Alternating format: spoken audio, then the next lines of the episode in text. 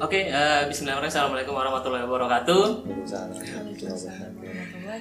Oke, kembali lagi para pendengar di podcast ngobrol seru kali ini eh, saya bersama eh, sepasang suami istri yang luar biasa gitu ya. Oke. ya eh, ada Mas Erik dan juga Jen ya yang eh, bersama-sama merintis usaha jurag eh perusahaan juragan kurma Indonesia gitu ya betul Mas ya? Ya, bisnis juragan kurma Indonesia Bisnis juragan kurma Indonesia gitu ya. dengan brand kurmaku namanya. Nah, nama brandnya Kurmaku gitu kan. Nah, kita akan diskusiin banyak hal tentang perjalanan bisnisnya dan eh, segala macam apa yang terkait dengan kurma karena kita masuk di bulan Ramadan nih ya. Insyaallah. Nah, insya Allah. Nah, eh, pertama nih yang ki- yang pengen saya coba tanyakan ke Mas Erik dulu kali ya. Ya boleh. Ini kan saya dengar katanya udah berjalan hampir 10 tahun nih Mas ya. Ya betul. Nah, boleh tahu ceritanya apa yang akhirnya ngebuat Mas Erik tuh mau bikin bisnis kurma nih? Kan banyak bisnis, Mas. Oke. Nah, apa yang akhirnya jadinya ke, ke kurma? Oke. Pilihan bisnis sebenarnya banyak ya. Hmm. Namun pada tahun 2010 itu kan saya memulai bisnis dari dari awalnya kita nggak pernah bisnis sama sekali, nggak pernah melakukan bisnis apa pun. Pada saat itu saya masih mahasiswa, masih kuliah aktif tahun 2010 ya. Kemudian eh, saya bertemu dengan teman yang kebetulan dia juga punya peluang untuk mencarikan supplier-supplier untuk barang-barang yang bisa perdagang- diperdagangkan ya dari mulai habatus sauda dan segala macamnya termasuk salah satunya kurma dan pas banget pada pada saat itu saya memikirkan untuk mulai bis- bisnis sambil jalan kuliah adalah itu di bulan Ramadan sebelum bulan Ramadan nah akhirnya tercetuslah sebuah ide eh, nggak mungkin kalau misalnya jualan kurma pada bulan Ramadan itu nggak laku Oke. Oke, pada saat itulah kita mulai kepikiran, ya udah, bisnis itu mulai dari sesuatu yang kita anggap mudah dijualnya. Pada saat itu kita jualan kurma. Ya, mm. Nah, mulai saat itu kita biarkan kurma, kita jualan kurma. Lama kelamaan kita merasakan bahwasanya, oh ternyata manfaatnya nggak cuman untuk di bulan Ramadan aja gitu ya, maksudnya eh, kan kebiasaan orang-orang Indonesia itu memakan kurma hanya pada saat bulan Ramadan saja. Betul. Karena emang ramenya emang bulan-bulan bulan Ramadan kan sih? Betul, permintaan paling banyak di bulan Ramadan.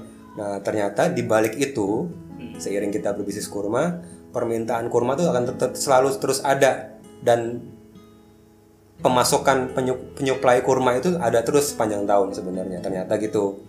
Nah, dari situlah kita kepikiran sebenarnya banyak juga orang-orang yang butuh kurma di luar Ramadan, terutama kurma-kurma yang memang spesial dibutuhkan oleh orang, misalnya kurma ajwa. Kurma ajwa itu kan memang disebutkan dalam sebuah hadis salah satu kurma yang terbaik dan Iya. bisa untuk rukiah dan segala macamnya. Ya, itu terutama untuk kaum muslimin sangat dibutuhkan sekali untuk kurma yang tipe itu jenis itu.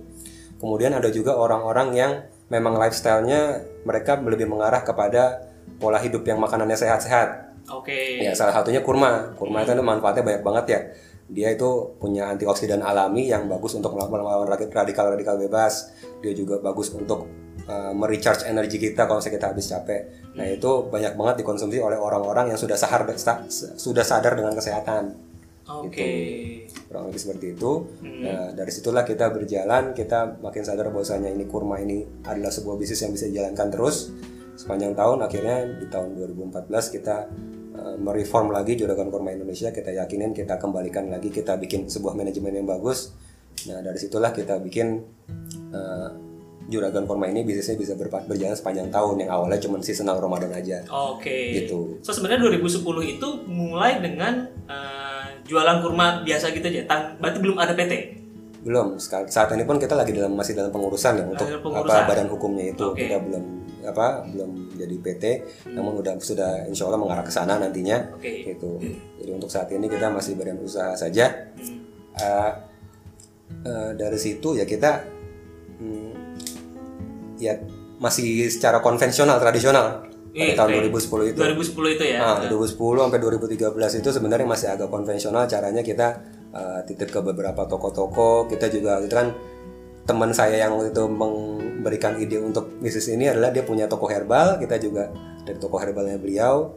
Nah, dari situ kita juga belajar internet marketing, belajar Wow. search engine organ search engine optimization kita belajar bikin WordPress kita coba bikin apa pemasaran kurma dari situ nah pada saat itu kan belum ada marketplace seperti Iya, sekarang ya betul, betul. nah itu pemasaran itu masih lebih mudah dibandingkan sekarang Oh gitu ya? iya istilahnya kita benar-benar tinggal banyak-banyak nyebar iklan nyebar foto dengan kita kasih caption itu ada nomor handphone kita insya Allah itu pelanggan kayak datang sendiri gitu pada saat terutama pada saat bulan Ramadan Mm-mm, gitu. Nah, pasti banyak yang terima telepon dan tel- teleponannya itu yang nomor-nomor kita nggak kenal biasanya itu untuk orang-orang yang order kurma biasanya gitu. Oke. Seperti itu. Oke perjalanan kurma. Jadi kan menariknya akhirnya pada saat awalnya konvensional gitu kan. Betul. Nah, terus eh, memutuskan untuk merapikan manajemen gitu ya. Yap. Sampai akhirnya bisa eh, lanjut sampai sekarang. Nah di balik itu kan sebenarnya tadi kan Mas Erik bilang kalau eh, kurma ini bisnis pertama yang mau di yang mau dicoba pada saat kuliah. Iya betul. Betul ya? Iya. Dan dan mau lanjut karena kan biasanya gini ya orang nyoba bisnis kan coba-cobanya banyak tuh gitu kan, Nah, kan? nah.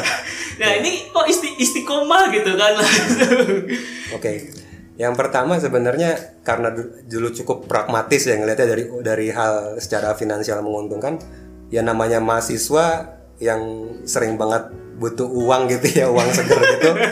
Nama yang ngeliat ketika ya Ramadan alhamdulillah itu selalu untung terus setiap apa namanya setiap bulan Ramadan dia kan selalu untung alhamdulillah dan ya sebagai mahasiswa yang waktu itu butuh uang ya jadi rasanya wah ini lumayan juga ya oke deh kita seperti mengazamkan mengazamkan hati meniatkan bahwasanya ini tiap Ramadan harus jalan nih Oke. bisnis kurma kayak gini akhirnya dari situlah kita merasa ya konsisten aja kita sering jualan kurma gitu Oke. namun kan pada saat itu belum konsisten tiap bulan ada gitu ya betul Nah, kita paling ya sering banget dulu tiba-tiba apa ya setelah Ramadan agak ngilang gitu sebenarnya. Nah, namun sebenarnya ada sih cuman sedikit-sedikit gitu, namun nggak nggak fokus ke situ. fokus juga kan Betul. Oke. heeh. Ya gitu sih. Oke, akhirnya karena ngerasa setelah ketika Ramadan selalu emang untung gitu ya Iya betul. Oke. Nah, terus kan eh, selanjutnya di 2014 Mm-mm.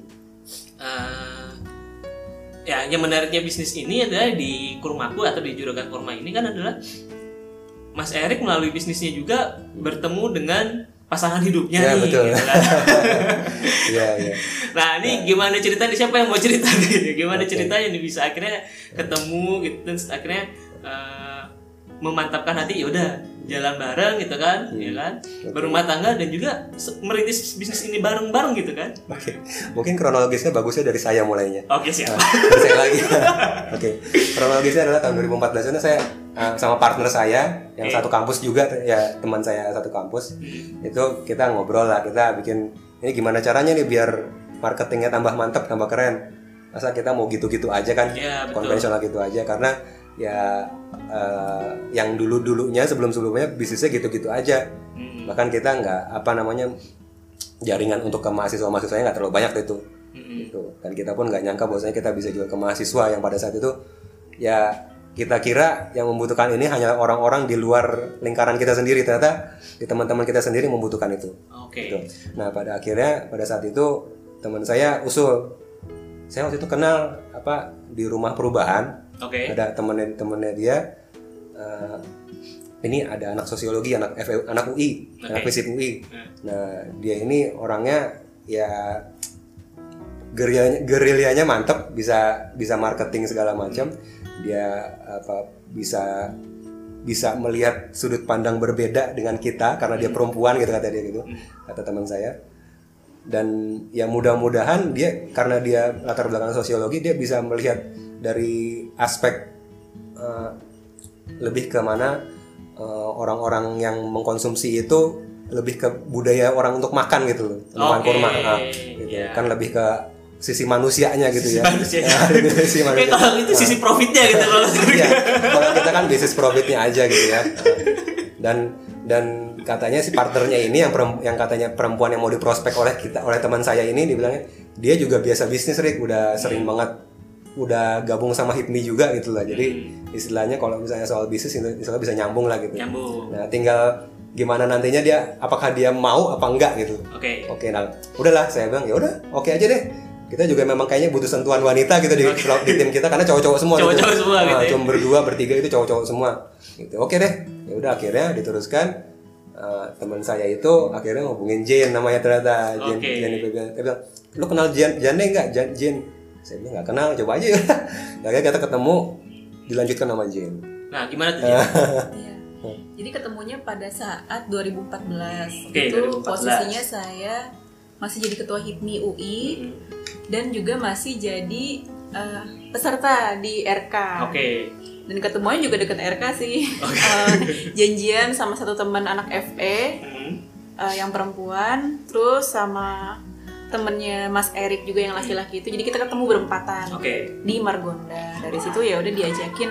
eh, awalnya kayak di prospek biasa sih, mau nggak join bisnis kurma gitu. Kan ini mau Ramadan gitu kan. Iya. Udah gitu kebetulan pada tahun 2014 itu saya udah mau masuk tingkat akhir.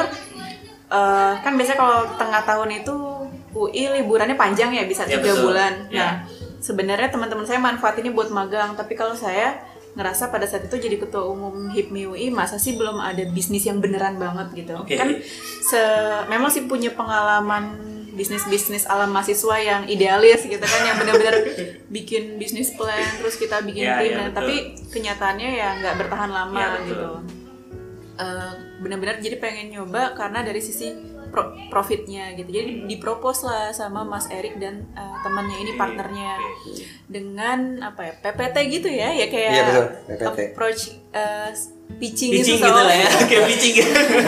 ya tapi ini lebih ke approach ya karena kan eh, close track partner gitu Betul. kan nanti posisinya memang saya lebih ke marketing gitu dan eh, kalau bisa mensasarnya memang mahasiswa yang masih Hmm. pada kuliah. Kan kalau mereka udah pada lulus. Gitu. jadi ya udah diterima mikir-mikir dulu terus eh, sempat share ke orang tua juga. Karena ngerasa kok kayaknya bisnis kurma gitu ya kenapa gue nggak diajakin bisnis yang lain yang lebih keren yang lebih anak muda pada saat itu. Kan lagi ngetren kafe-kafe atau mungkin eh, apa ya kayak makanan-makanan kre- industri kreatif Ya, gitu betul. yang lebih unik gitu kan. Tapi ya udahlah kalau dari eh, prospek laporan keuangan dan kayak menarik gitu kan. Dan bisa eh, apa namanya menguntungkan di bulan Ramadan. Ya udah bilang ke orang tua kalau orang tua juga ngerasa emang kamu gak ada bisnis yang lain? Apa kurma digituin sama ibu saya? Sampai segitunya ya. Iya, terus ya nggak apa-apa deh mah coba dulu aja. Katanya sih menguntungkan gitu mohon doanya ya gitu. Intinya saya minta doa ke ibu saya bahkan ke bapak saya juga gitu. Nggak tahu kenapa ya mungkin feelingnya di situ dari awal walaupun ragu tapi eh, ya alhamdulillah pas dijalanin eh, selama sebulan itu kita menghasilkan omset 70 juta ya mas? Iya betul. ya Masya Allah. 70 juta. Dan itu kayak prestasi sendiri buat saya yang pada saat itu masih bisnis main-main buat mahasiswa gitu. Oh, Masih bisnis main-main gitu ya. Udah- yang sekarang udah oh ternyata kayak gini ya seru banget bisnis gitu ya. Meskipun sempat ketegur juga sama Kaisha gitu kan. Ini pulangnya kenapa malam gitu dan lain-lain iya kak kan rapat kak. Kan mereka jadi gitu banyak alasannya. Jadi ada pengorbanan juga dari sisi waktu gitu. Dan juga saya meninggalkan magang akhirnya. Oke. jadi magangnya saya ambil itu double pas lagi kuliah. Oke. karena momen-momen liburan itu teman-teman pada magang saya malah bisnis Malah gitu. bisnis. Ha-ha ya seperti itu. Berlanjut 2014 nggak tahu kenapa ya kok kita merasa ada chemistry Merasa ada chemistry yang baik di antara kita, akhirnya ya saya putuskan ya akhirnya kita putuskan untuk saya ketemu saya sih putuskan juga ketemu sama orang tuanya, kita merasa maksudnya bahwasanya kita ada kecocokan. Akhirnya benernya dibantuin sama partner kita juga ya waktu itu ya. Oke, difasilitasi gitu ya. Difasilitasi, ya. ya ini saya, saya lagi ada ini sama ada ada itulah ada keinginan untuk menikah segala macam gitu. Akhirnya kita merasa cocok, kita udah saat kita udah sharing, kita bertukar pikiran, bertukar visi misi. Nah setelah kita merasa cocok itu, akhirnya kita akhirnya saya mantapkan diri untuk ketemu bapaknya Jane gitu gitu. Oke. Bapak Jane. itu akhir tahun ya mas ingat ya Iya akhir tahun. akhir tahun 2014 2014 gitu ya. termasuk cepet sih Iya. karena Mas kan saya lihat memang cukup apa ya lebih paham ya agama jadi mungkin nggak enak kali kalau tiap hari ketemuan Ya. interaksi terus kayak nggak nikah segera juga gitu jadinya cepat ketemu bapak dan selanjutnya ketemu bapak, ketemu orang tua, akhirnya kita bulan April 2015 kita nikah. nikah April 2015 ya. Masya Allah. Nggak Nggak nyampe perlu, nggak perlu ya? sebut tanggalnya kan? Iya iya. Iya. Berharap kado Akhirnya ya. kita menikah gitu ya. Akhirnya di sini juga kita pasangin pajangan itu tulisannya salah satunya menjadi bisnis yang apa pengusaha sukses yang mengutamakan keberkahan dalam bisnisnya gitu gitu salah satunya. Masya Allah luar biasa banget ya. Jadi pada saat itu Oke. Oke, silakan.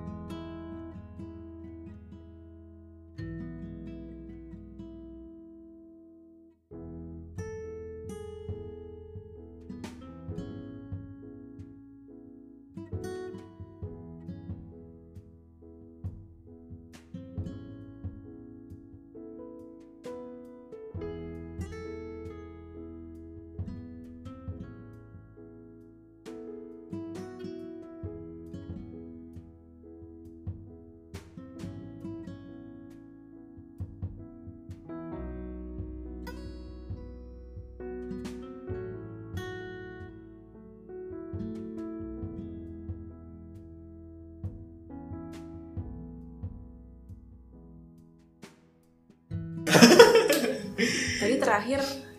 Oke, kita lanjut nih ya. Abi. Nah, eh, bisa. eh, bisnis kurma ini akhirnya eh, berlanjut tuh sampai akhirnya memutuskan untuk eh, menikah gitu kan bersama. Dan dan Jen tetap lanjut join di bisnis kan maksudnya? Ya kan ya? Tetap tetap ngebangun ya? Maksudnya kan nggak nggak dipisahkan oke udah jadi istri jangan ngurusin bisnis. Nggak gitu nggak nggak gitu ya mas ya? Gitu. pada saat itu. Iya, tetap jalan bareng. Jadi Jane tetap sebagai marketing utamanya, saya dan teman saya itu partner saya eh, lebih mikirin masalah manajemen dan ya permodalan dan segala macamnya gitu ya. Eh, persiapan barang apa aja yang mau diproduksi. oke Waktu itu pun saya lebih ngarah, lebih juga lebih eh, fokus ke masalah desain produknya gitu ya. Oke. Karena kan mesti bikin packaging juga gitu. Gitu. Nah, lalu gimana cara memisahkan ya antara hubungan sebagai misalkan interaksi antara suami istri dengan interaksi sebagai uh, partner bisnis gitu kan? Karena kan join apa ya? Saya ngerasanya bias nggak sih akhirnya atau kayak gimana sih gitu ngaturnya gitu. Hmm. Oke, benernya sih awalnya ketika sudah menikah dan masih berdua aja gitu, belum Iya. belum ada anak-anak gitu. Kita merasa itu sesuatu yang nggak sulit sebenarnya.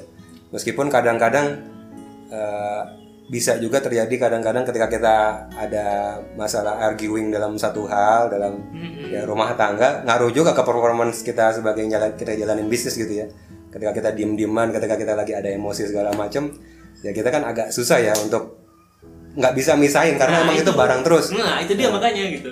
ya karena itu barang terus akhirnya kita ya kita juga dari situ kita belajar sesuatu bahwasanya kita juga harus cukup profesional lah untuk kita harus bisa memisahkan antara bisnis dengan segala macam minimal kita nggak bawa itu ke dalam rumah ngomongin Oke. bisnis gitu Eh, Oke. kita nggak bawa itu ke ya minimal ke dalam apa kalau saya udah sampai kamar udah selesai itu urusannya gitu kita kan kadang-kadang dulu kan kita belum ada kantor kita masih dalam rumah sini ya Iya betul. Ya, kalau misalnya di ruang, di ruang tamu atau di, di meja kerja, kita ngomongin bisnis. Kalau di luar situ kita baru ngomongin yang lain selain bisnis gitu ya. Oke. Gitu. Itu untuk jaga keharmonisannya juga ya. Dan pastikan juga ya kita ketika yang namanya baru awal-awal nikah, Hmm, betul. pastinya kita kita ini nggak sadar sebenarnya kita ketemu kita kita tuh hidup bareng orang yang asing dengan kita awalnya.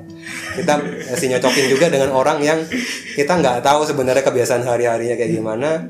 Kita nggak tahu dia itu sebenarnya attitude yang sebenarnya seperti apa. Namun alhamdulillah ya sekali lagi Allah mudahkan banget bahwasanya kita banyak kecocokan dan kita nggak sering konflik gitu. Mungkin kalau misalnya kita apa apa tes yang psikologi itu NF, ENFP itu ya. Kita mirip-mirip berdua gitu. Kita kita ada kemiripan. Jadi kadang-kadang kita sering sering kita sama gitu sejalan, sejalan gitu lah. Gitu. namun ya paling perbedaan kadang-kadang cara saya menyikapi teman hidup baru ya agak beda agak susah itu kadang-kadang penyesuaiannya. Dan alhamdulillah ya sejauh ini mungkin ketika kita ada perbedaan pendapat, Hmm. misalnya saya yang namanya juga perempuan ya mungkin lebih banyak sisi apa emosinya gitu. Nah, Mas Erik lebih mengalahnya. Mungkin le- kalau laki-laki lebih ke diem ya, Hmm. lebih Iya, betul. cara antisipasinya diem gitu. Hmm. Jadi kalau dari saya mengumumkan pendapat, padahal itu saya rasa itu profesional gitu kan dalam hal bisnis. Iya. Tapi ternyata mungkin oh iya mungkin eh, caranya salah gitu kan karena Oke. di situ juga kan eh, Mas Erik sebagai suami juga gitu. Hmm. Terus kalau misalnya dari Mas Eriknya yang lagi gantian tensinya naik, terus saya juga akan mengerem juga gitu. Jadi kita mawas diri masing-masing kali ya. iya betul Itu sih poinnya. Oke, wah luar biasa ya. Ini berharga banget nih buat para pendengar yang yang dia punya, misalkan udah punya pasangan dan mau mulai bisnis, ada hal-hal yang bisa kita atur bagi waktu komunikasi gitu ya, Pak. Kalau sini bagi tempat gitu ya, kan bahkan ruang gitu Tempat, ya. bagi ruang Iya. ketika bisnisnya masih dalam rumah gitu Ketika bisnisnya masih dalam rumah Nah, gitu ya. iya. Emang kalau, kalau sekarang perkembangannya udah sejauh mana sih, Mas Erik atau sama sama Jen eh, perkembangan bisnis eh, kurmaku ini? Oke. Eh, dari sekitar tahun 2014-2015 itu kita kan sudah mulai perbaikan manajemen timnya ya. Ya. Kita bikin tim.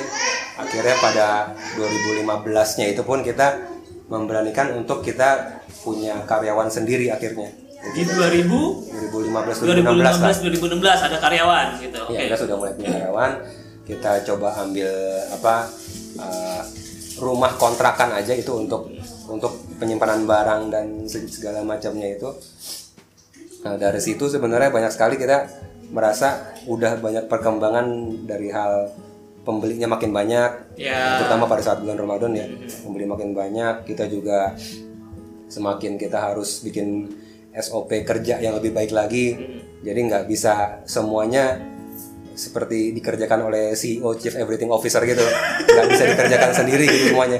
Harus harus ada delegasi tugas ke siapa ke siapa. Tadinya kan kita karena kita tadinya awalnya kita ber- yang lebih sering interaksi dengan bisnisnya adalah kita berdua aja. Ya kadang-kadang saya yang packing juga, kadang-kadang kita Oke. saya yang nganter ke logistik segala macam, telepon logistik sendiri gitu ya. Nah pada saat itu kita eh, yang kita rasakan juga ini sebagai peng- pengalaman perubahan diri sendiri ya kita belajar untuk mendelegasikan tugas. Bahwasanya kita nggak semua orang bisa jadi superman gitu. Nggak bisa kita ngerjain semuanya gitu sendiri. Gitu. Ada kalanya kita harus mendelegasikan ke orang lain. Karena ketika kita udah bisa mulai mendelegasikan ke orang lain kita bisa lebih berpikir, berpikir strategik gitu sih ya. Gitu. Nah itu juga selain perubahan manajemen tentunya kita tahun 2016 itu udah mulai kickstart awalnya kita membuat sistem keagenan Oke, 2016 baru mulai ke agen. Iya 2016 ya kalau kurang lebih ya. Kalau 2016 itu kita bikin sistem keagenan dari yang awalnya cuma mungkin 10, 5 itu dari teman-teman sendiri Teman-teman dan lingkungan sendiri, sendiri, iya. yang orang-orang yang cari oportunitas itu pada bulan pada bulan Ramadan. Lama kelamaan kita bisa kembangkan lebih jauh lagi kita pakai kita iklankan, kita lebih banyak broadcast ke jaringan-jaringan kita. Alhamdulillah sekarang di tahun 2019 ini udah sekitar seratusan lebih sih untuk para agennya gitu di 100, seluruh Indonesia. 40 50. 140 sampai 150. Iya, Oke, betul. seluruh Indonesia. Ya, Ya, itu yang terdata karena biasanya dari agen-agen tuh punya anak-anaknya lagi yang tidak tahu berapa. Hmm, betul. Ya. Oke, oke. Dari sampai sekarang akhirnya bisa sampai sistem keagenan sampai 150 gitu kan. Ya, atau lebih. Gimana cara manage-nya? Pada saat awal-awal hingga akhirnya bisa berkembang sekarang. Oke, ya Uh, tentunya kita kalau misalnya keagenan itu kan kita nggak bisa membuat mereka membiarkan mereka saja seperti orang-orang di pasar yang mungkin ya dalam, dalam artian misalnya uh, kita kalau misalnya bisnis konvensional itu bisa aja kita nyari reseller. Iya, betul. namun reseller itu nggak kita bina gitu kan kadang-kadang bisa seperti itu juga. Nah namun kalau pada saat pada di Juragan Korma Indonesia ini kita bikin pembinaan agen namanya Ada pembinaan agennya. Iya betul. Minimal kita bikin sebuah grup WhatsApp yang teman-teman di situ para agen, para juragan kita istilahnya. Oke, juragan Bikin ya. juragan juragan ini, juragan korma ini di Indonesia. Kita bikin mereka bisa saling berkomunikasi. Kita sering beberapa dalam, dalam beberapa bulan, seberapa kali dalam sebulan kita bikin sharing-sharing bisnis sehingga mereka punya apa soft skill mereka bertambah dalam hal pemasaran gitu ya, terutama pemasaran secara online. Mereka juga kita kita kasih mereka konten-konten yang bisa mereka sebar, konten-konten tentang kurma, sehingga mereka benar-benar merasa bahwasanya, oh saya gabung jadi juragan kurma nggak cuma sekadar nerima barang doang, saya juga dibantuin banget dikasih kailnya segala macam ya, dikasih Oke. alatnya, dikasih jaringnya, dikasih kapalnya segala macam ya, biar teman-teman itu eh, bisa selangkah lebih di, di depan dibandingkan orang-orang yang jualan kurma di tempat lain gitu Oke. gitu. Jadi mereka punya seakan-akan kalau misalnya orang yang beli sama sama juragan korma ya dari juragan korma Indonesia Hmm. itu adalah orang yang paling tahu tentang kurma gitu minimal gitu. peningkatan pelayanannya kepada customer jadi kelihatan kelihatan paham juga tentang kurma gitu Ya, ya. tentang produk juga, tentang pelayanan, tentang bagaimana mereka approaching customer dan Oke. segala macamnya gitu, lebih mudah.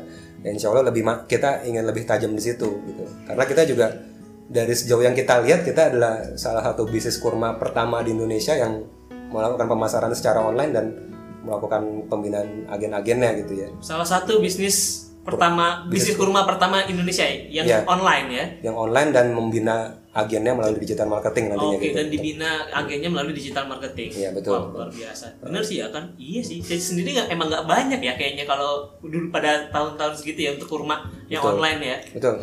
Gitu ya. Oke, luar biasa. Lalu eh, proses ternyata kan di Ramadan selalu untung nih, aman nih. alhamdulillah ya Nah ya kan, gimana sebenarnya waktu itu eh, ngejaga flow-nya nih, cash flow-nya pada saat di luar Ramadan gitu kan? Karena kan manajemen udah udah mulai kan rapi, udah udah udah ada pegawai juga gitu kan. At least kan cost operasional kan nambah nih dibandingin yang dulu gitu kan. betul ya Nah, gimana caranya tuh akhirnya di bulan-bulan selain Ramadan itu tetap positif lah gitu. Oke, kalau misalnya di ya di Ramadan Insya Allah itu baik ya bapak untuk penjualan dan segala macamnya itu pada sangat saat itu banyak banget. Dan pada saat bulan Ramadan itu pun kita menyesuaikan untuk jumlah karyawannya gitu pak. Kita emang butuh untuk orang pengerjaan packing dan segala macamnya gitu kita butuh banyak. Namun ketika selesai Ramadan itu ya kita agak sedikit pengurangan pegawai gitu ya. Oke, Nah, berarti jadi- bisnisnya project gitu paling kayak gitu Iya, ya. ketika Ramadan itu memang membutuhkan untuk agak lebih cepat Iya. untuk packaging dan segala macamnya untuk uh, persiapan produksinya. Nah, kalau misalnya di luar Ramadan itu kita paling agak disusutkan sedikit ya nggak terlalu banyak lah tim apa personal timnya. Uh, dari situ kita uh, kita fokus kepada pengembangan komunitas itu Oke. salah satunya. Kan tadi ada, ada komunitas agen yang kita bikin mereka uh, belajar bisnis online juga ya. Selain itu kita juga bikin sebuah komunitas uh, program kehamilan. Oke, Iya. program kehamilan. Nah, karena kan uh, produk kurma ini sangat cocok sekali untuk orang-orang yang sedang mengharapkan kehamilan gitu ya. Oh, gitu. oke. Nah, kita bikin sebuah komunitas namanya komunitas yakin positif. Oh, Komunitas- komunitas yakin positif. Yakin positif Oke. ya. Itu awalnya diinisiasi oleh uh, Jane. Oh, Iya. gitu. Gimana ceritanya tuh gitu? Nah, dari situ benernya itu membantu banget untuk day to day-nya kita uh, biar bisnis ini tetap going karena kalau misalnya di bulan Ramadan itu kan sebenarnya kita bisa jual kurma as is aja gitu. Yes, yes, Uh, benar, sebagai cuman kurmanya aja sebenarnya mudah gitu ya. Betul. ketika di luar itu kita harus punya langkah lebih jauh lagi Hmm. dibandingkan orang-orang yang biasa gitu akhirnya kita bikin komunitas itu eh, ya kita kumpulkan orang-orang yang punya kebutuhan yang sama Oh, Oke. salah satunya salah satu yang mereka butuhkan adalah kurma gitu ya Hmm. untuk orang-orang yang sedang promil istilahnya program hamil Program hamil. Gitu. Oke. Jen akhirnya merintis itu banyak terjun di komunitas. Iya karena mungkin kan eh, saya diamanin bagian marketing, Hmm. ya selalu berpikir gitu gimana caranya biar tetap eh, produk tuh terjual gitu kan. Karena di Indonesia cukup apa ya menantang sekali untuk menjual kurma yang benar-benar kurma aja gitu kan akhirnya. eh, tapi ya memang tidak bisa dipungkiri kalau kurmanya saja tuh sudah banyak manfaatnya. Tinggal gimana cara kita mensasar nih ke eh, customer yang memang sesuai dengan target kita gitu kan. Jadi karas- karakteristik orang yang makan kurma itu kalau dari customer kita ya paling banyak itu memang perempuan gitu. Karena saya juga kan eh, sebagai perasa manfaatnya gitu saat hamil sampai melahirkan tuh selalu butuh kurma-kurma dan kurma. Nah akhirnya saya diskusi lah sama eh, partner saya ini juga yang di tim juragan kurma yang perempuan. Kalau saya kan sebagai pelaku yang merasakan manfaat kurma dari sisi hamil sampai melahirkannya. Oke. Kalau dia, dia merasakan manfaat kurma ketika program. Oh, Jadi dia tuh sem- program. sempat satu tahun tidak pu- belum punya Belum apa punya. ya belum punya momongan. Yaudah kita bikin komunitas aja yuk yang khusus perempuan-perempuan gitu. Ya awalnya sih memang dari customer-customernya juragan kurma juga gitu. Yang perempuan yang mereka itu ngerasain manfaatnya kurma. Jadi yang mereka pa- pada saat itu eh, hamil mereka konsumsi kurma, menyusui, terus buat Oke. MPA si anaknya itu semua pakai kurma kan. Jadi kayak eh, beberapa orang ibu-ibu yang fanatik sama kurma, kita bikin kayak gitu komunitas yakin positif mamis namanya. Oke. Nah, eh, program pertama kita yang offline itu pada saat itu ya kita bikin seminar Gentle Bird. Jadi Oke, ya gentle. Uh, Gentle Bird itu yang jadi pembicaranya saya gitu nanti yang jadi uh, foundernya ya teman saya itu gitu dia speech gitu gantian nih sekarang yang lebih berkembang ternyata yang komunitas yakin positif promil Oke. Promil itu program Yang program kehamilan, hamil, betul. program yang program kehamilan ini alhamdulillah per pekan ini udah ada 1117 member 1100 Aktif, eh. 17 member member se-Indonesia. aktif gitu ya. Betul. Se-Indonesia dan luar negeri gitu. Jadi ini online, bener-bener grupnya komunitasnya uh, di WhatsApp grup aja gitu. Tapi kita rutin bikin kuliah WhatsApp kulwa Hmm, per pekan atau dua pekan sekali gitu. Oke. Dan kulwanya ini kita memang ngundang objin, Oke. ada dokter umum, terus juga ada pelaku promil yang udah berhasil. Jadi sharing sih karena sharing gitu ya. uh, dasarnya adalah perempuan itu suka banget cerita. Perempuan tuh suka banget sharing dan ternyata di antara dua dua segmen ini yang paling berkembang tuh yang promilnya gitu. Jadi kalau kita bikin event atau kegiatan ya kita buka stand sekalian kalau bentuk Hmm. uh, offline-nya. Offline-nya. Tapi kalau online-nya kita fasilitasi mereka itu dengan uh, kok apa tadi kulwa, kuliah WhatsApp. Terus nanti kita juga karena menyertakan Juragan Korma sebagai sponsor utama ya kita ada jam-jam promote di situ. Oke.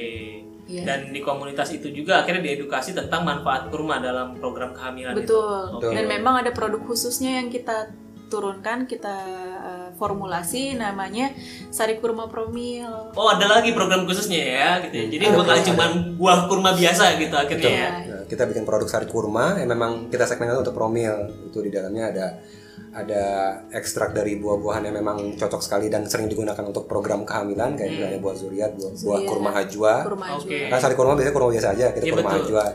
Eh, Ada madu murni juga, ada habatus saudanya juga. Mungkin kita Oke. manfaatin buah-buahan yang ada di, di Quran dan hadis dan memang sering dipakai buat promil. Dari situ kita berangkat kita bikin nih sari kurma untuk segmen orang-orang yang sedang program kehamilan gitu. Nah, jadi cocok banget tuh udah tuh itu matching. Ya dari situlah kita merasa bahwasanya wah ini inilah salah satu yang kita bisa jadikan eh, bisnis juragan kurma ini jadi sustain bisa jalan sepanjang tahun salah satunya gitu. Selain dari kurma biasanya Saya aja dari yang, kurma biasa. yang tentunya juga ada sih beberapa untuk pemesanan kurma yang yang raw-nya, kurma yang kurma yang Buahnya ya. ya buahnya itu. Buahnya. huh? Namun untuk yang memang benar-benar bantu boostingnya itu produk turunannya gitu. Gitu sih. Oke, nah kan itu produksi akhirnya ada ada jalur tuh akhirnya dari sari pro, sari kurma yang buat promil gitu kan. Hmm. Lalu itu eh, gimana testimoninya dari para kom yang ada ibu-ibu yang ada di komunitas itu, misalkan dari program hamil, ada, ada nggak sih cerita-cerita yang akhirnya eh, meya- semakin meyakinkan diri oh bahwa ternyata kurma tuh memang bener-bener eh, mampu gitu atau berhasiat ya, emang kuasa Allah jelas gitu ya. Ya, Tapi-. Nah, ini ber- punya khasiat untuk eh, membantu eh, seorang wanita untuk eh, eh, memiliki momongan misalkan. Ya kalau mungkin aku yang sharing ya karena kan yang memang join grup itu khusus ibu-ibu. Jadi Loh, nggak boleh, Mas Erik nggak boleh ada berarti di situ ya. Ya, saya mantau aja dari luar. Jadi yang memang masuk ke grup-grup itu saya sama partner saya yang perempuan gitu. Di situ eh, kita nggak nggak tiap hari sih hard selling gitu kan. Oke.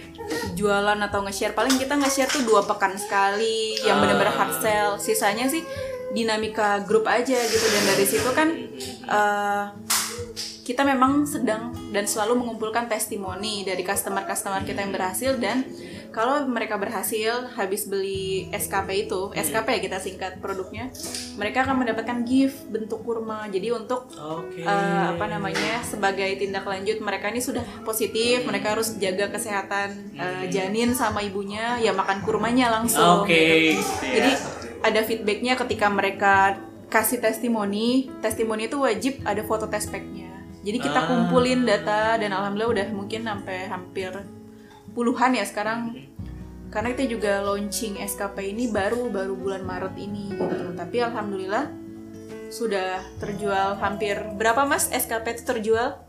Dengan hampir 1000 botol. Udah hampir seribu botol. Dengan ya? dengan harga satu botol 250.000 ribu gitu. Oh, masya Allah luar biasa. Jadinya alhamdulillah sih memang eh, di Indonesia itu ketika produk-produk herbal paling orang paling trust itu dengan testimoni gitu. Dengan Jadi kita testimoni. lihat karakternya dari customer juga. Hmm. Oh mereka tuh ternyata ibu-ibu yang senang dengar cerita dari orang-orang yang berhasil meskipun itu mungkin ya belum ini ya kita memang tidak ada jaminan ini pasti hamil gitu Ya. kita nggak pernah ngomong kayak gitu karena kita selalu menekankan kurma itu sebagai sebuah wasilah gitu Mhm. dibandingkan mungkin uh, berbagai ba- banyak macam metode atau produk lainnya kita niatkan aja untuk konsumsi produk sunnah gitu kan Oh. terkait positif atau enggaknya itu balik lagi nanti ke haknya Allah gitu kan Betul. jadi memang yang kita tekankan lebih ke suplemen Ke gitu. suplemen ya, suplemen harian yang insya Allah aman dan sunnahnya gitu. Oke. Wah menarik banget ya sehingga akhirnya kalau ngelihat flashback di, di 2010 gitu ya akhirnya fokus untuk di Ramadan doang gitu kan. Iya. dan buah aja gitu. Sekarang akhirnya sa- sampai udah ada sari kurma yang khusus untuk program kehamilan. Ini produksi sendiri akhirnya? Iya, kita kerjasama dengan apa sebuah pabrik yang memang biasa memproduksi air kurma, namun untuk license produknya eh, punya kita. Ah, oke. Gitu eh, untuk mempermudah gitu kan. Jadinya kita bikin udah produk jadi ya kita yang pasarkan dari situ. Eh, oke dari situ akhirnya berkembang terus. satu-satunya yang yang brandnya Sari Kurma Promil ya kita ini eh, dan Syrup for Fertility namanya. Itu eh, di brandingnya itu. Di brandingnya ya? Ya betul. Masya Allah oke. Oke. Wah luar biasa. Sekali sampai akhirnya ada testimoni-testimoni gitu ya dari cerita-cerita gitu dari dari komunitas itu gitu kan.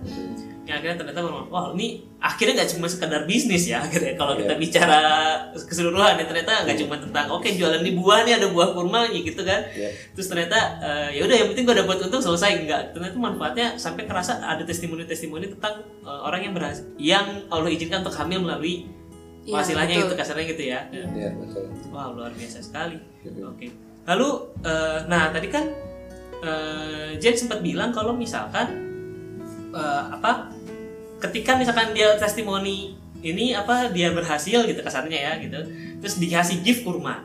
Hmm. Ya katanya kan eh, ketik ya ini jadi bagian suplemen juga ketika proses kehamilan. Nah Ya. sebenarnya apa sih manfaat kurma dalam proses kehamilan itu sebenarnya? Kan kalau pro, Ya. kalau ada ada kurma kayak tadi untuk sari kurma untuk program kehamilan gitu ya. Selesai itu. Berarti kan saat uh, manfaatnya uh, memudahkan untuk proses untuk untuk hamil gitu kan. Ya. Nah, ketika sudah hamil, emang apa manfaatnya? Ya kalau misalnya untuk kehamilan dan ibu hamil itu sendiri, tentu kan kurma tuh eh, salah satu buah yang tercan paling banyak disebutkan dalam Al-Quran ya. Jadi eh, Maryam alaihi salam itu juga semasa mau melahirkan itu kan mengkonsumsi rutop gitu. Nah, Oke. Rutop. Nah kalau kalau kita kan mungkin dikit ya rutop tuh masuk ke Indonesia tuh nggak banyak karena kan dia kurma yang matang pohon. Jadi kalau selama, selama di masa kehamilan kita mau nggak mau paling eh, yang ready stock kurmanya kurma tamer atau kurma kering ya kita coba aja Bismillah ikhtiar dengan itu terutama saya sendiri yang waktu itu mencoba eh, dan baca-baca juga jurnal banyak eh, objin Hmm. atau juga bidan ya terutama bidan karena kan bidan yang lebih ke arah normal ya Iya, persiapan lahiran normal yang merekomendasikan kurma gitu bahkan tahu dari salah satu alumni Uti Hmm. Oke. Uti itu kan dulu di Au- Aussie ya di Hmm, Australia beliau bilang kalau di woman hospitalnya di Australia itu biasa banget kalau usia uh, 23 atau 27 week ke atas Hmm. ibu-ibu hamil di sana tuh disajin snacknya kurma gitu Oke. Oh, yeah, really? iya Wow. itu saya juga baru tahu dilaporin dari Uti kan. Oh gitu. Kalau di Indonesia masih ini ya masih paling cemilannya snack biskuit ya. Gitu ya Mm-mm, kalau di negara-negara berkembang mereka tuh udah kayak cemilan biasa gitu. Bahkan eh, saya juga punya partner dulu teman ma- magang ya namanya Fikra yang kita bisa. Itu kan dia kuliahnya di New Zealand ya. Dia juga SMA-nya di sana. Dia bilang iya kalau tem- eh, teman-teman gue di sana tuh anak SMP anak SMA bawa bekal lunchnya itu bukan kayak kita nih apa nasi, Nasi, atau yang berat-berat gitu gitu ya. mereka tuh bawanya kayak dried fruit ada kacang-kacangan sama ada tentu ada kurma gitu katanya jadi buat negara berkembang negara maju jadi kurma tuh udah kayak habitsnya mereka mungkin kalau kita gorengan kali ya gue, Indonesia. kita levelnya masih gorengan gitu ya. gorengan gitu. Kalau di sana tuh mereka ya makannya kurma, makanya di negara-negara yang seperti itu kurma tuh selalu ready stock di supermarket mereka gitu. Oke. Jadinya ya kenapa kita ini ya maksudnya harus jauh-jauh benchmark dari negara kayak gitu kan kita di Al-Qur'an ada gitu. Iya, ya betul. udah makanin aja ya ikhtiarnya benar-benar selalu untuk diniatkan untuk kesehatan janin gitu kan ya. Ya alhamdulillah sih saya juga emang kan ada riwayat varises gitu kan dan memang harus sesar awalnya tapi saya ikhtiar terus pakai kurma dan kurma ajwa terutama ya pas udah mau melahirkan. Itu anak pertama alhamdulillah ya mau coba di usia normal alhamdulillah bismillah normal gitu sampai anak pertamanya kita kasih nama ajwa ya sakingnya kita ini ngerasa ajwa tuh masya allah banget ya manfaatnya gitu Iya, betul. Masya Allah. Iya. Itu gak direncanain dari awal tapi ya nama nama Ajwa itu. Enggak, benar-benar nggak lahir ya. bener. Ha. Setelah lahir kita ya kita juga kepikiran karena sering makan kurma ajwa akhirnya kita cari lah artinya ajwa itu apa sih Hmm. artinya ternyata happiness kebahagiaan Ah. nah makanya kita bahagia juga dari kurma ajwa itu ternyata ada, ada wasilah kita ternyata uh, membuat kita tubuh kita jadi lebih baik ya Hmm. dan tentunya salah satunya jadinya bisa lahiran normal nah setelah kita terinspirasi ya nama anaknya Salman Al Farisi pun Ajwa kan ternyata ternyata Mm-mm. ya akhirnya kita ya udah putuskan namanya Ajwa nggak apa-apa lah. Udah udah pakai nama orang juga sempat gitu. Oh, iya. jadi bukan nama kurma doang. Gak aneh-aneh banget ya soalnya kita tiba-tiba buat nama orang ya ternyata udah ada Betul. gitu ya. Namun meskipun ketemu kalau saya ketemu orang yang ngerti kurma bilang oh namanya Ajwa ya gitu kan. Wah, gitu. namanya kurma gitu kan gitu. Oke, nah oke, Eh, saya baru tahu tuh kalau misalkan ternyata karena kan kurma itu kadang identik banget sama ini buah umat Islam kasarnya kan gitu kan. Betul. Iya kan? Iya. Tapi ternyata di negara luar kayak tadi New Zealand, Australia itu mereka udah Biasa biasa, banget. biasa banget tuh kayak kayak jeruk kasarannya gitu ya, gitu. Ada data lagi yang mungkin saya share ya. Jadi eh, agen-agen kita ini bahkan yang menariknya juga ada dosen-dosen ya Mas ya. Yang mana dosen ini dosen FEUI yang dia dulu S2 dan S3 di UK. Oke, Beliau bilang eh, ya nyari di Indonesia tuh agak susah pas dia pulang nyari kurma yang dengan kualitas bagus. Akhirnya dia awal jadi customer, sekarang udah jadi agen gitu. Dan ketika jadi agen ngerasain eh, manfaatnya kurma karena eh, beliau bilang waktu saya di UK hampir tiap hari sih makan kurma karena di sana ready stock. Terus yang kedua juga eh, sempet tertunda 9 tahun dari anak yang pertama yang kedua akhirnya bisa hamil Masya Allah. dengan kurma aja. Ya Allah. Bismillah ya maksudnya. Bismillah ya, Betul, terlepas iya. dari kuasa Allah gitu ya. Iya. Ini cerita eh, ibu dosen gitu. Oh gitu ya eh, Bu, masya Allah gitu kan dia jadinya ya aku pengen benar-benar ngerutinin kurma jadi beliau tiap hari benar-benar ngejalanin 7 butir kurma ajwa di pagi hari gitu. Itu kan ada hadisnya 7 Iya, iya, butir iya. kurma ajwa di pagi hari mencegah sihir dan racun gitu dan karena juga saya orang marketing mau nggak mau harus belajar sains kayak gitu ya eh, bang. Jadinya nyari-nyari nih data tentang itu dan ternyata uh, salah satu pakar telepati atau telematika gitu ya yang yang me- emang kerjaannya di Inggris itu meneliti hal-hal yang agak abstrak kayak Ya, gitu. betul.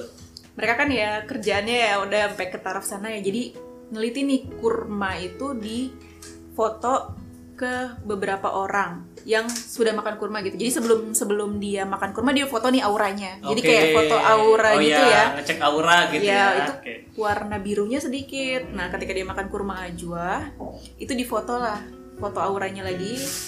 Itu kurma bi eh kurma biru maaf, aura birunya itu tiba-tiba dominan dan katanya tuh aura biru itu yang menangkal hipnotisme gitu. Oh, oke. Jadi karena hipnotisme dan uh, hal-hal yang kayak gitu itu itu masuknya melalui mata Hmm, gitu dan pikiran gitulah. Nah, kalau yang untuk uh, jurnal kurma bermanfaat untuk racun itu ternyata memang dia ada reaksinya buat ginjal. Sedangkan ginjal itu kan Iya. salah satu jaringan tubuh yang men, apa ya? penahan racun pertama kita ya gitu. Itu dari jurnal kedokteran.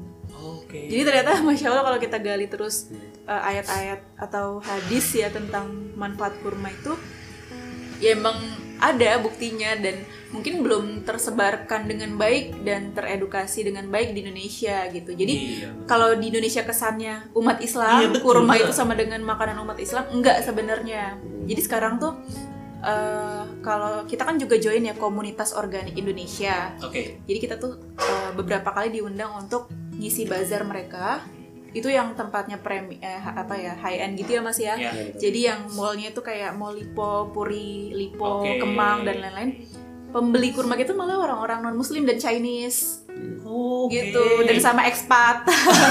Jadi eh, di Indonesia tuh sebenarnya em, nggak cuma umat Islam aja yang identik dengan kurma, malah orang-orang yang menengah ke atas dengan tingkat pendidikan yang tinggi dan lifestyle yang baik juga mereka biasa banget konsumsi kurma gitu. Tapi asal kita tahu aja masuk celah pemasarannya ke mana. Oke. Jadi sebenarnya kan ya karena bener karena kan sebenarnya kalau bagi saya sendiri kan ngerasanya ya memang di Indonesia ya itu emang un- ko- ko- pertama konsumsinya cuma ada di Ramadan banyaknya di Iya. situ Betul. ya kan dan oleh-olehnya biasanya kan ketika haji ya umroh gitu kan biasanya kayak, kayak gitu kan jadi sangat identik banget kalau misalnya oh ini buat umat Islam banget tapi ternyata akhirnya based on science ternyata dasarkan dari eh, customer dari juragan korma juga ternyata orang-orang yang well educated tentang kurma gitu ternyata ya nggak memandang oh ini adalah buah umat Islam nggak gitu ya yang penting ya manfaatnya clear gitu, Manfaatnya, jelas betul. ya Iya, oke betul. Alhamdulillah untungnya seperti itu ternyata ya. Apa jadi uh, banyak juga orang-orang yang memang sadar tadi ya, terutama orang-orang yang memang well educated dan dia sadar untuk memperbaiki lifestyle-nya nggak cuma makan gorengan dan mecin aja gitu ya. Mereka cari buah-buahan yang bagus dan terutama kurma ini kan enaknya adalah dia bisa disimpan agak lama gitu ya, kurma buah yang kering, Oke. buah yang dikeringkan gitu. Nah, dari situlah makanya kita juga ya tadi kalau misalnya kita belum cerita bahwasanya kita tuh ada visi membumikan kurma gitu kan membumikan- keberkahan juga jadi nggak cuman sekedar kita uh, mencari financial profitnya itu ya secara keuntungan secara uang secara uangnya memang materinya menguntungkan gitu ya ya Nah, kita juga ada sebuah misi kita ingin membumikan manfaat kurma ini gitu loh. Kita ingin membuat ini mendunia dan terutama di Indonesia yang mungkin masih ada anggapan bahwa ini makanan Ramadan atau makanan yang orang orang muslim aja. Ya, kita mulai dari dari kita bahwasanya kita jadi juragan korma dan kita mengajak banyak orang untuk menjadi juragan korma sehingga nantinya ya kita bisa lebih sering lagi kita kita lebih lebih luas dalam menyebar info-info tentang manfaat kurma. Ternyata kurma itu bisa didapatkan nggak cuma di Ramadan aja, tapi setiap hari ada. Bahkan ya orang-orang yang nggak punya akses mungkin, mungkin ke toko kurma yang dekat rumah dia sekarang bisa gitu loh. Oke. Dari juragan kurma itu harapannya dari situ juga Oke, nantinya gitu. masya Allah. Ada ada adanya visi membumikan kurma gitu Iya, ya betul. akhirnya. ya. Yep. Oke, wah, wah, luar biasa banget ini eh, cita-citanya gitu ya. Terlepas punya manfaat, kan ada aspek di balik itu ya. Kalau misalkan di sebagai muslim kan akhirnya oh ini bagian dari apa ya menyebar luaskan sunnah gitu Iya, kan. Kesannya nggak sih gitu kan. Alhamdulillahnya maksudnya dengan cara dengan kita berbisnis kurma ini cara nggak langsung ya kita sudah menjalan menyebar luaskan sunnah gitu kan ya. Nah, tinggal kita gali lagi bagaimana caranya orang-orang yang mungkin nggak kenal sunnah atau nggak su- apa agak sulit belajar agamanya atau ya dia lebih senang ke dalam hal lifestyle sehat ya kita arahkan ke situ gitu loh biar bisa masuk ke semuanya. Ke Oke. semua golongan semua kalangan bisa terima. Apalagi sekarang dalam zamannya so- sosial media kita uh, kita cukup gencar campaign di sosial media untuk manfaat kurma dan sehingga orang tuh bisa benar-benar merasakan manfaat kurma di mana pun Masya kapan pun gitu ya. Ya, oke luar biasa banget. Oke, lalu sebenarnya kalau misalkan di Ramadan sekarang nih, ya, apa target dari eh, juragan kurma?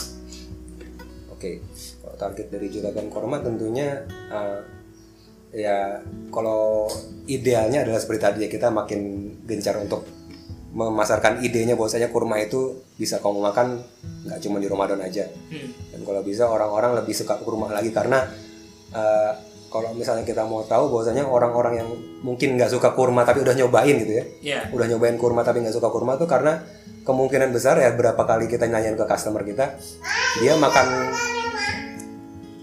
dia makan kurma yang kurang enak ternyata. Oke. gitu. makan kurma yang kurang enak. Nah kita kita provide mereka dengan kurma yang buat mereka sesuatu yang amazing gitu loh. Ini ini beda nih taste nya nah yang kurma yang kita jual tuh namanya Rutok Mozafati. Itu kurmanya lembut dan rasanya beda banget lah dengan kurma-kurma yang biasa dia makan di pasaran-pasaran gitu ya.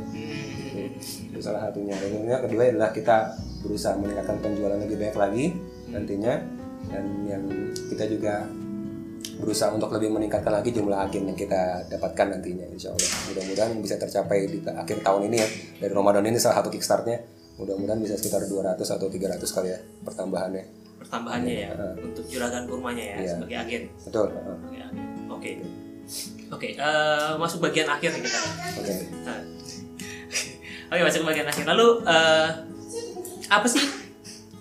Apa pesan nih ya sebagai atau eh, apa pesan yang ingin disampaikan nih kepada Iya. para pendengar terutama gitu ya tentang eh, tentang kurma ini sendiri gitu kasarannya Eh, gitu kan. Baik di Ramadan ataupun enggak kan sebenarnya kan ya kurma ya dia punya ya dia buah yang luar biasa gitu. Oke. Nah, nah, pesan pribadi apa nih yang ingin disampaikan? Atau mungkin punya cerita pribadi tentang eh, kurma itu eh, berdampak manfaat bagi Mas Erik lah.